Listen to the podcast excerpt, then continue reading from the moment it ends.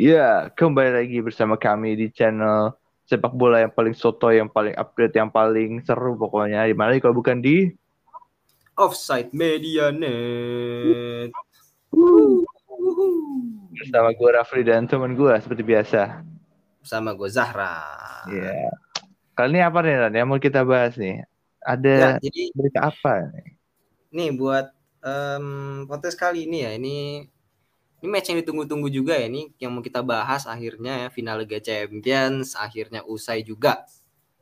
Ya, betul Dan sekali. berhubungan ngelanjutin podcast kemarin juga kan kita ngundang fans Madrid nih. Nah, dan ya seperti yang kita tahu akhirnya Madrid pun yang mengambil gelar juara Iya. 14. Nah, Di luar, berarti prediksi kita salah ya.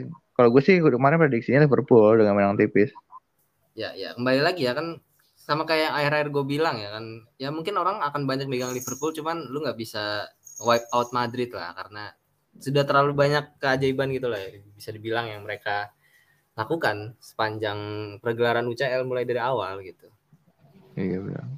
Dengan jalannya berliku-liku dibanding Liverpool yang santai-santai saja, lawannya lebih gampang dan dan di atas kertas gitu ya. Tapi ternyata dengan lawan yang susah tadi membuat Madrid punya mentality kayak ini gitu.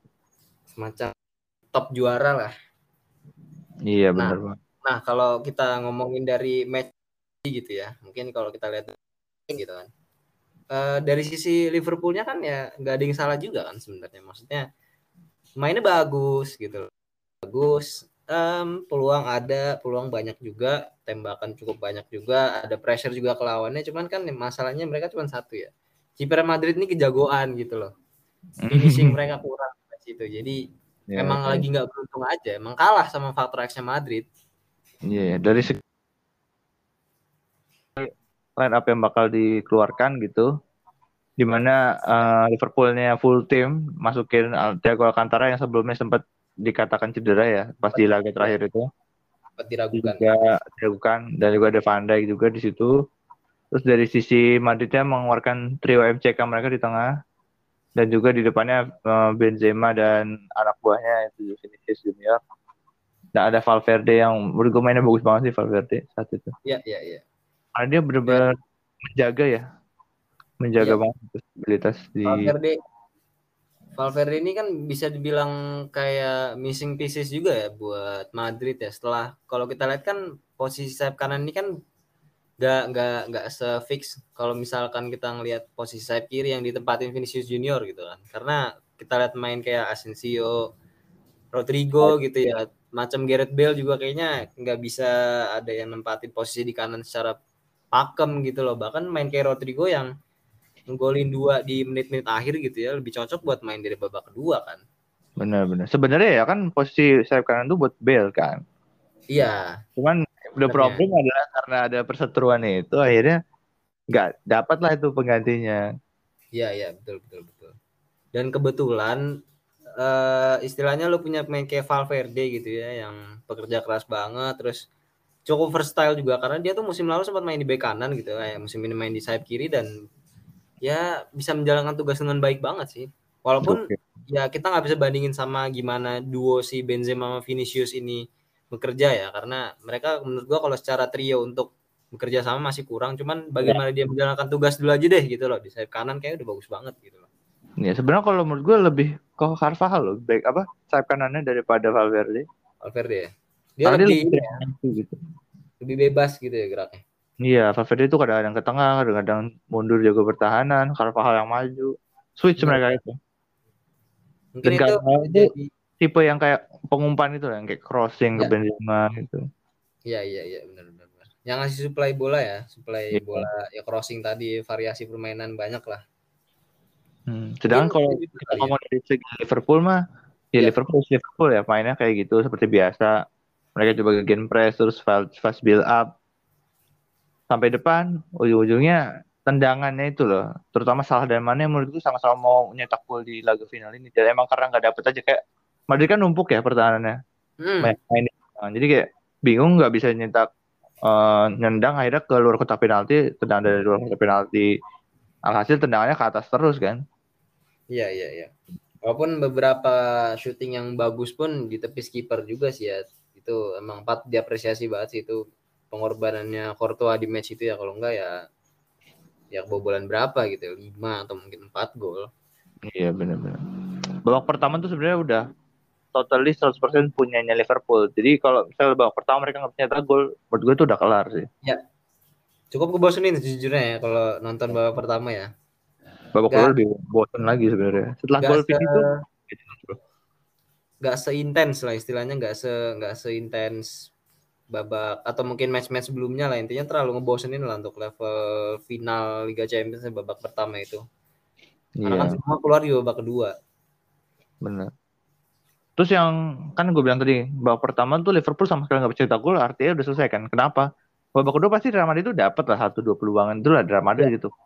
Dapat satu dua peluang yang bisa jadi gol dan setelah gol Vini itu gue langsung tutup apa TV langsung gue matiin gitu karena ya udah the fix menang. Menang gue ya? nggak ya? lihat, gue nggak lihat 100% nggak ada satupun sedetik pun gue ada kepikiran Liverpool bisa nyetak gol. Karena Madrid tuh solid segitu solidnya dia bakal nahan hasil ini gitu, apa kali dikasih.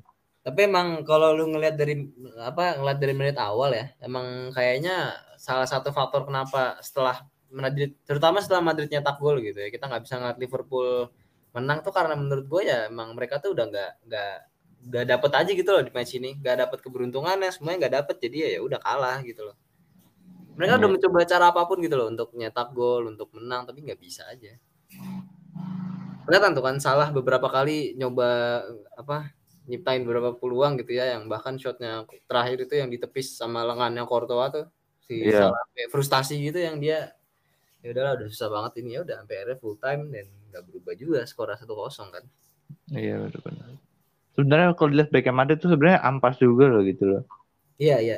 Back Madrid itu bukan yang paling solid, malah kalau dibandingin di compare lah ya player to player gitu ya kalau dibandingin sama si Van Dijk sama Konate mah jauh sih. Jauh banget sama mereka tuh, uh, uh, mereka tuh masih gampang ditembus. Even kipernya menurut gue sebenarnya bagusan Alisson. Iya gitu. iya. Mana ya saat itu tapi di match itu gila banget sih emang Courtois pemain tuh sebenarnya harusnya udah tahu ya Courtois tuh kelemahannya kolong ya. Lu tau Messi dua kali kolongin Courtois gitu kan? Iya iya. Karena emang Courtois tuh tinggi, jadi dia kalau bola-bola jauh tuh ya dapat gitu loh. Hmm. Which is sebenarnya bola-bola jauh tuh sering dipakai masalah kan, kayak dia sering placing dari dia cutting yeah. terus coba placing gitu kan bolanya mutel gitu. Yeah. Itu nggak bisa gitu loh, karena Courtois tuh tinggi. Nah, itu aja. Lo harus kasih bola di antara kaki ya, bola kolong. Iya. Bener-bener kayak lu main kayak City lah, contoh kayak cutback terus yang kayak tap in tap in gitu ke Courtois tuh. Kan dia emang ya faktor tingginya itu ngaruh banget buat jangkauan dia reach jauh. Ya, ya. Dan ngomongin soal Carvajal tadi ya, ini kan kita tahu ya gimana bahayanya Luis Diaz buat Liverpool ya di sayap kiri gitu kan gimana yeah. dia bisa mainin bola, bisa nyiptain peluang dan lain sebagainya. Kemarin tuh di pocket loh Pak sama Carvalho tuh. Bener-bener. Bener-bener ditutup. Makanya tuh babak kedua menit berapa ya? Di menit awal lah pokoknya dia tuh udah diganti sama si Jota. Menurut gue wajar. Gak jalan jadi. Wajar karena ya ini pertama kali dia final, jadi sangat wajar sih menurut gue. Iya iya. Bahwa dia nggak sekonsisten biasanya atau grogi mungkin atau nervous. Benar benar benar. Bisa jadi ya banyak faktor lah ya banyak faktor. Banyak faktor sebenarnya jadi ya ya itulah ya kita balik lagi yang ngomongin Madrid kan musim ini kayaknya perjalanannya cukup bisa dibilang cukup panjang juga ya buat mereka setelah berbagai macam apa ya berbagai macam hal lah berbagai macam hal yang mereka yang mereka alami dan juga berbagai macam hal yang mereka buat gitu loh berbagai macam keajaiban gitu loh. kalau misal kita rekap dari awal gitu ya mungkin dari awal grup mereka kalah gitu kan mereka kalah sama Sheriff gitu kan tim yang hmm. kita nggak tahu lah itu dari dari mana. Yang bahkan kita sempat bahas di podcast awal kan bisa kalah gitu kan sama Sheriff gitu kan cukup cukup mengejutkan juga gitu loh. Ya sebenarnya Real Madrid tuh udah setengah paruh musim awal tuh aduh sangat kurang ya. Tidak apa ya emang nggak di ini Fli emang nggak dilihat aja gitu loh buat juara UCL iya karena kan orang ngelihat ngelihatnya itu kan benar-benar kalau nggak Liverpool, City, Munchen, Chelsea kan empat itu kan yang paling kelihatan. Hmm, benar. Paling kalau nggak PSG ya karena pemain-mainnya kan. Cuman kita tahu PSG lah ya secara mental mereka belum punya. Terus tim ini cukup menurut gue cukup berantakan sih emang. Nggak sebagai satu tim gitu ya cukup berantakan emang. Yang bagus tuh cuman empat orang atau lima orang, sisanya mediocre. Mediocre ya. PSG tuh kayak gitu kan. Benar benar benar.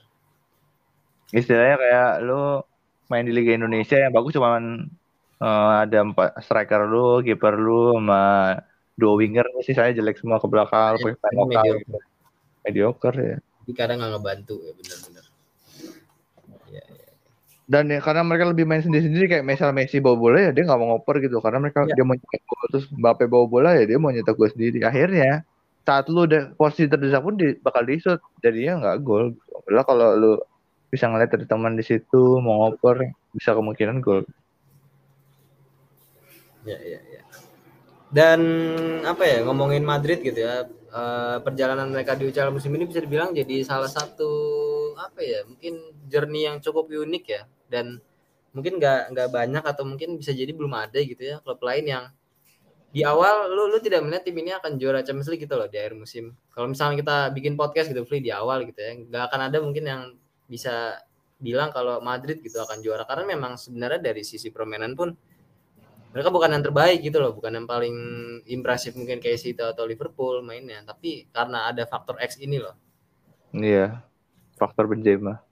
Ya, faktor Benzema dan ya yang lain-lainnya itulah yang bisa bikin mereka comeback beberapa kali kan. Ya, faktor home away ditiadakan juga ngaruh ya kan. Ya, ya benar benar benar. Sangat membantu. Terus ada faktor Ferland Mendy menyelamatkan bola yang udah di garis. Nah, ya kayak gitu-gitu loh, beli maksud gua. Ya, Yang kayak gitu-gitu loh, kayaknya ada gitu loh. Madrid tuh nempel aja gitu loh hal-hal yang aneh-aneh kayak gitu loh kan kalau bilang Ferland Mendy nyamatin di garis ya sama hal kayak Rodrigo nggolin menit 90 sama 93 itu apa? Iya, iya. Bener, bener. Sama kayak, gitu loh. kayak Mane udah tendang kena tiang, terus kena badan Courtois tapi nggak masuk gitu kan. Ah, ah, kayak gitu-gitunya kan. Kayak lu lu nggak bisa jelasin kan. Lu nggak bisa Iya. jelasin gitu loh. Dan itu tuh berlangsung dari mulai dari fase gugur yang lawan PSG sampai final, sampai mereka juara bahkan. Ya sebenarnya PSG juga loh hitungannya. Itu kenapa Donnarumma kayak gitu? Maksud Nah, gue. iya ya kan. Kayaknya emang jadi jatuhnya kayak apa ya bisa dibilang penjelasannya cuma satu gitu emang takdir UCL musim ini buat Madrid gitu loh Benar. Jadi kalau nama udah ya lu nggak bisa gitu kan Iya iya benar. Kayak kalau udah takdir tuh mau sekeras apa pun lu udah Ya, berusaha aja. bisa berusaha aja. Tapi hasilnya sudah ketahuan gitu. Heeh, makanya kan lu mau jelasin pakai melalui analisis secara misalkan taktik sepak bola gitu ya kan nggak ada yang bisa ngejelasin juga gitu loh Madrid mungkin bisa menang lawan tim apa tim apa kecuali kan banyak faktor-faktor tadi gitu loh yang nentuin bisa Nih. juga jadinya kayak lu lihat lawan PSG deh kayak misalkan mereka yang kalah 1-0 gitu ya di leg 1 di Paris kan itu kan main jelek banget ya bener-bener parkir B sampai menit 90 terus bahkan yang pas leg 2 pun babak pertama si Mbappe yang golin 1-0 itu gak ada sama sekali yang nyangka Madrid bisa nyetak 3 gol kan habis itu Iya. mereka cuma butuh waktu 45 menit loh buat nyetak 3 gol Oh Babak tidak, kedua, lima- 15 menit.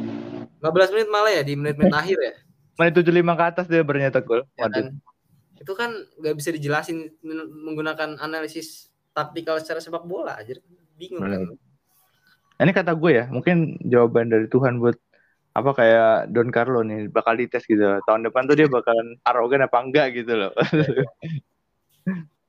Oh, gue dengan pemain ampas, mainan permainan juga ampas tapi bisa juara gitu. kan.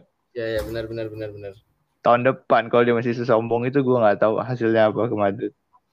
iya iya iya apalagi kan dia ini ya musim depan udah banyak dapat dana ya buat datengin pemain juga gitu kan Bener. itu Kata gue tuh pemain-pemain tangannya sih udah tua-tua harus di harus dicari pengganti ya iya regenerasi karena udah kurang banget. kemarin tuh rumornya kan Madrid kan sekarang udah punya ini ya Valverde mungkin bisa balik lagi ke tengah terus Kamavinga juga udah kelihatan lah bagusnya kayak gimana gitu kan Iya. kualitasnya kemarin tuh mau datengin si Chouameni dari AS Monaco buat gantiin si Casemiro karena kan umur MCK ini kan bisa dibilang udah 30 plus plus semua kan Iya. benar. jadi ya patut ditunggu aja sih kira-kira pembelian yang mana gitu yang bisa jadi tepat Ntar lihat aja. Lu kan lu tau nggak ya, satu back yang gak pernah mainin jarang banget mainin yang Jesus Vallejo Vallejo Vallejo taruh nama gua dua tahun lagi jago deh. Lihat aja ya. dia Madrid kan kayak gitu. Madrid kan kayak gitu kan. Kayak kita nggak tahu nama orangnya nih. Tiba-tiba Iya, iya, iya. udah setahun dua tahun loh kok jadi jago nih orang. Gitu. Tuh Chouameni juga itu siapa tuh tiba-tiba terbagus aja. Lihat aja. Iya, iya, iya. Dia baru naik banget. Rodrigo, Rodrigo yang nggak jelas aja bisa bagus loh. Rodrigo tuh menurut gua bagusnya tuh nggak yang kayak Vinicius gitu loh pak, yang emang secara teknik main bola bagus, cuman dia tuh lebih ke clutch aja sih. Iya iya iya benar benar. Gede gitu loh, pengaruhnya terhadap suatu hasil pertandingan tuh gede. Dia bisa Nah, datang itu- momen-momen penting, nah kayak gitu loh maksud gua. Nah iya dan itulah jagonya Madrid kayak contoh Valverde lah. Coba Valverde apa sih sebenarnya dari segi skill tuh yang dia bagus visi ya biasa aja. Bertahan ya bertahan kalau dia mau back gitu kan.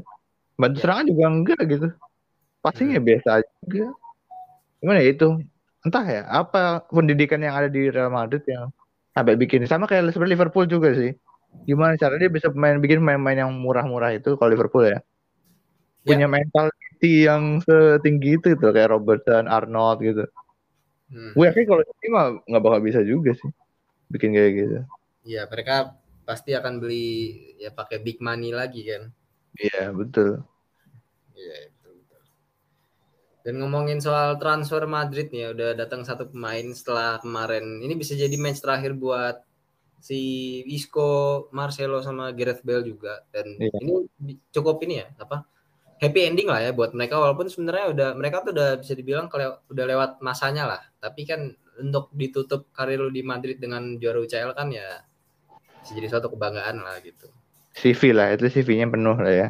Iya benar benar benar. Itulah kan salah satu penyebab kenapa dikasih dana banyak buat Don Carlo karena di luar dari mereka dapat UCL dapat bonus banyak gitu ya. Salah satunya juga karena pemain berpenghasilan tinggi itu gaji-gaji tinggi itu.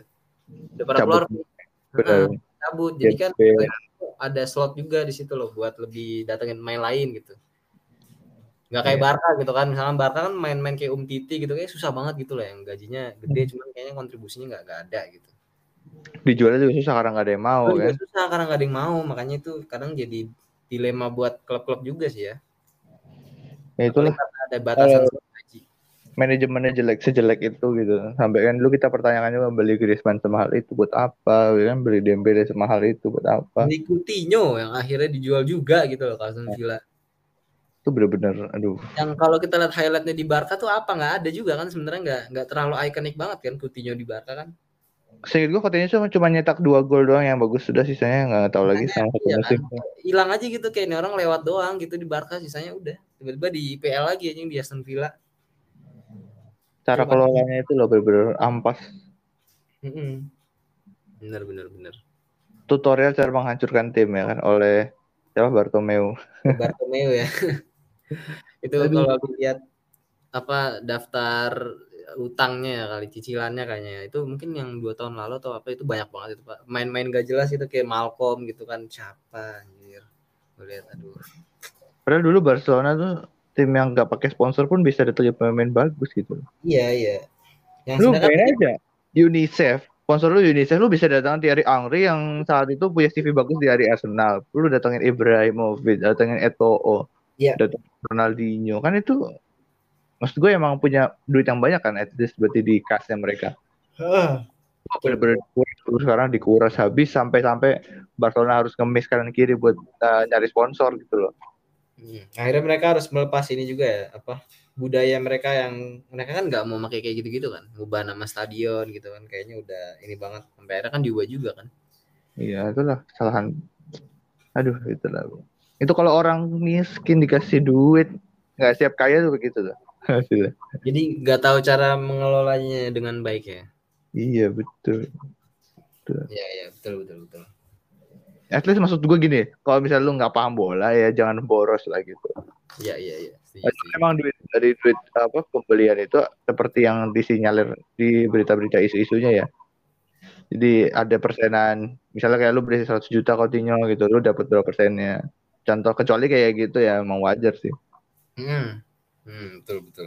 Cuman selain karena korupsi gue nggak bisa, gue nggak bisa pikir kenapa dia bisa sampai sebodoh itu beli main semahal-mahal dia 100 juta. Nggak cuma satu loh, tiga loh main di atas 100 juta. Ya, ya. Griezmann sama Dembele kan.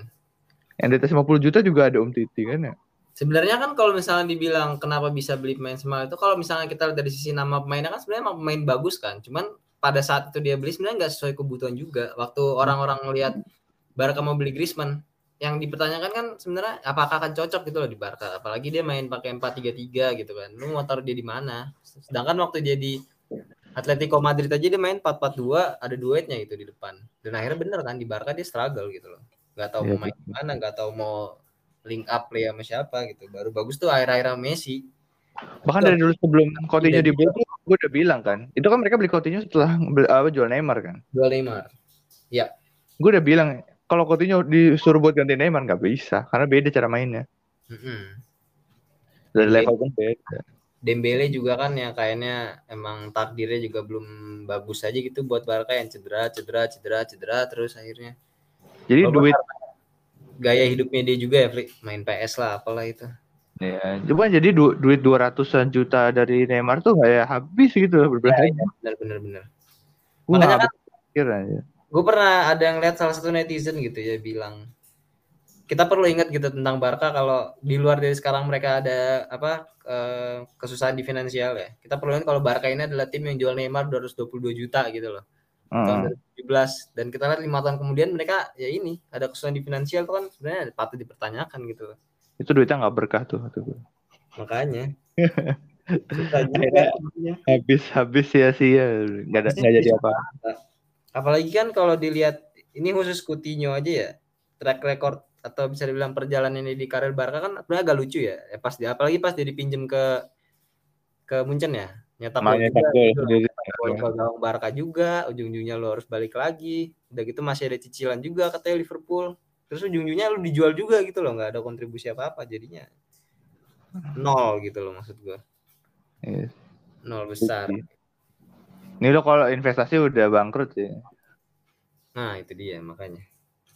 Beda gitu ya kalau kita lihat Madrid beberapa tahun belakang walaupun mereka sempat gagal juga ya mungkin di beberapa pemain kayak Jovic dan lain-lain tapi kan kita lihat beberapa tahun juga mereka datengin main-main gratis yang cukup bagus juga ya kayak Alaba itu kan baru datang gitu terus yang baru itu kan Rudiger juga yang patut ditunggu juga itu Rudiger juga datang lagi dan dengan gratis juga gitu loh jadi ya kita berharap aja walaupun kayak Eden Hazard juga gak gak berjalan dengan baik juga ya karirnya karena cedera itu tadi kan Sebenarnya nggak nggak sebagus itu juga Madrid.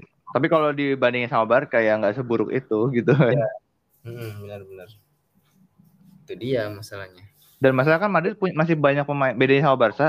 Pemain gaji gede masih banyak gitu kalau Madrid. hmm Masih ada MCK, Benzema, Bale, Isco Marcelo. Marcelo Isco. iya iya iya benar-benar Nah, itu kan. benar-benar benar ya ah,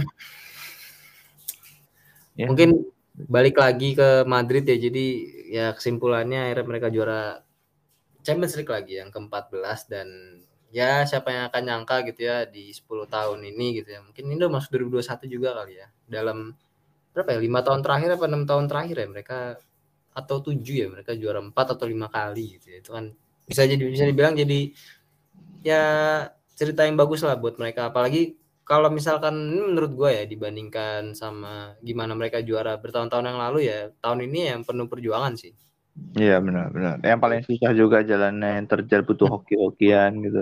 ya bener-bener jadi bisa dibanggain banget lah apalagi ini kan yang ke-14 kalinya ya paling banyak juga kan dibanding yang lain Benar. Juga gitu loh kata lu lawannya nggak gampang ya emang nggak gampang gitu loh ketemu PSG ketemu Chelsea sama City yang yang apa ya digadang-gadang bisa jadi juara gitu kan kan mereka berdua sama plus Liverpool Munchen kan yang ini Jadi, Iya. bisa lewatin gitu loh ya itu wow juga gitu loh wow banget malah kata gua. Gokil sih. jadi ya itulah. Ya patut ditunggu lah ya musim depan apakah faktor X ini masih akan terus melekat gitu ya di diri Madrid gitu ya. Dengan mungkin banyaknya klub-klub yang mencoba untuk memperkuat mereka diri mereka sendiri gitu ya. Seperti City yang udah coba datengin beberapa pemain juga gitu. Barca Ya. juga Liverpool ya kita nggak tahu tapi tunggu juga dan ya masih banyak lagi lah klub lain jadi ya itulah City tuh eh City sorry. Liverpool tuh kata gue masih bakal bangun lagi tim baru karena kan Mane keluar ya. Oh ya, Mane juga ya, Mane keluar betul betul. Jadi mereka harus kan kayaknya beli satu pemain lagi gak sih buat main depan? Iya, mereka beli pemain muda itu yang Fulham itu dan Oh dan ya, jadi kalau di Liverpool itu kan untuk pemain muda, pemain yang dari mana jadi bagus itu kan ya cukup tinggi juga ya. Ya betul, betul. Jadi nanti bakal di bakal main dia salah sama Jota sih. Iya, iya, betul. Jadi Masih ya, ada Firmino juga di cadangan ya kan. masih ada Luis Diaz juga. Masih ada. Ya enggak, maksudnya kan Luis Diaz sudah gantiin Mane gitu maksud gua. Oh iya, iya. Hmm, Oke. betul. Nanti Mane, eh Mane, Diaz, Jota sama Salah penggantinya. Firmino. Hmm, gitu kan. Iya, iya.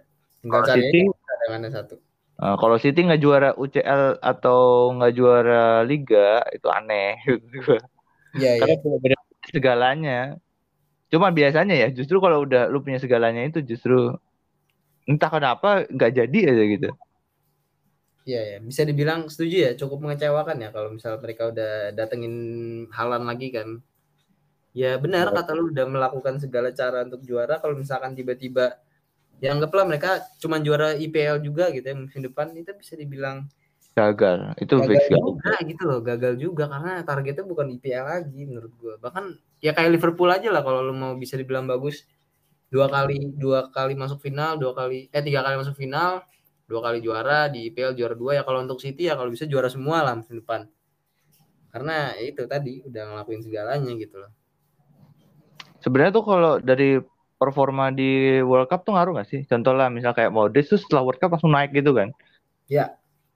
Nah, Ya. nanti ngaruh nih. World Cup Qatar tuh menurut gue bakal ngaruh. Hasilnya seperti apa? Tim Eropa mana yang bakal kalah duluan dan mana yang masih jauh perjalanannya. Itu ngaruh nanti ke perjalanan satu musimnya City, Liverpool, Madrid. Ya betul betul betul betul. Ya kadang ada kompetisi-kompetisi kayak gitulah ya yang yang ngaruh juga ke performa gitu dan ya patut ditunggu lah ya. Patut ditunggu. Cuman nih ya ngomongnya lagi tentang squad yang sangat sempurna, cuma ada satu squad sempurna menurut gue yang eh, akhirnya memenuhi ekspektasi itu cuman Munchen saat itu masih ada Lewandowski terus back apa eh, winger kanan kirinya bagus saat mereka juara Liga Champions tahun berapa? Champions 2019 19 ya. 19 apa 18 ya? Gue lupa. 1920 nggak salah. Coba gue lihat. Apa eh 18 19 ya? Eh, UCL final. Iya ya 18 19 kayaknya. Apa 19 20 ya? Ya Kayak lawan 18. ini. Iya 18 19 tuh kan 19 20 kan Chelsea habis itu 20 21 kan sekarang kan. Iya, iya, iya. Iya. Hmm. Ya, seperti itu. Lawan Iya, di itu dapat back kanan kiri bagus apa ya kokoh gitu ya back tengahnya masih ada Alaba juga di situ ada Boateng ada Boateng nggak sih kalau nggak salah Ada ada Boateng. Terus tengahnya juga bagus solid terus depannya ada Muller Lewandowski ada Thiago juga ada Coutinho juga saat itu. Ya udah Ada Koman, Perisic Ada juga bagus-bagusnya. iya itu sih. juga lagi OP-OP-nya musim itu gitu ya. Bandingan sekarang yang menurun gitu kan. iya benar-benar. Ya cuma itu doang tuh tim yang hitungannya tim sempurna ya. Setelah itu kan Dan- belum dan- ada lagi Dan menurut gua sempurnanya juga bukan karena sekedar ada pemain free, tapi pemainnya juga cocok gitu loh buat main di posisi masing-masing gitu loh. Jadi timnya stabil. ya benar sudah lu cari stabil winger gitu ya, lu cari pemainan winger, lu punya winger CM, lu punya CM juga gitu loh. Lu cari CM lu yang S number 8 gitu ya, lu punya juga gitu loh. Lu punya CDM yang bisa ngoper, lu punya juga. Jadi sebenarnya sih itu bisa tuh karena situ udah punya semua itu ya siapa? Pasti. Iya, iya, benar-benar. Ya cuman itulah tadi.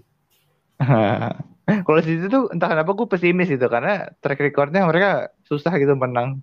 Menang di UCL apalagi ya. Iya apalagi menang UCL gitu. Benar-benar benar. Biasanya tim yang udah sering ke bantai itu susah loh buat buat menang. Kayak Barca, kayak Barca gitu. Susah itu menang. Hmm. Ada sering udah sering ke bantai kan. Mungkin kena moralnya, kena mentalnya kali ya. Iya bisa jadi. Bisa jadi. Gitu. Eh, Oke lah. Mungkin segitu aja kali ya guys untuk uh, siaran kali ini. Mudah-mudahan kalian sempat terhibur atas siaran kali ini. Kita tunggu aja tahun depan apakah Real Madrid atau Barcelona juara La Liga ataupun juga siapa yang juara di Liga Champions dan juga siapa yang bakal juara di World Cup itu sangat dinantikan sekali sih. Ya, ya, ya, ya. Betul, betul. Dan pastinya ya itu tadi ya ditunggu semua yang tadi dibahas sama Raf, diomongin sama Rafli gitu ya, pastinya nggak ketinggalan juga. Kita akan bikin obrolannya juga biar makin seru juga kan karena patut tunggu juga. Ya, apalagi nanti World Cup ya. Kita bakalan lebih Ya. intens lagi di World Cup gitu. Ya, ya betul betul. Karena patut ditunggu ya beberapa negara juga kayaknya makin kuat juga jadi ya itulah. gue sih jagoin Argentina sih. Walaupun nggak tahu ya menang apa enggak. Tapi dari segi pemainnya sangat satisfying gitu. Bagus ya. Ya betul betul. Oke lah kalau Ya. gitu. Oke, Dari gua Rafli pamit. Dari gua Zahran pamit. Sampai jumpa di next episode. Sampai jumpa. Bye-bye. Bye bye.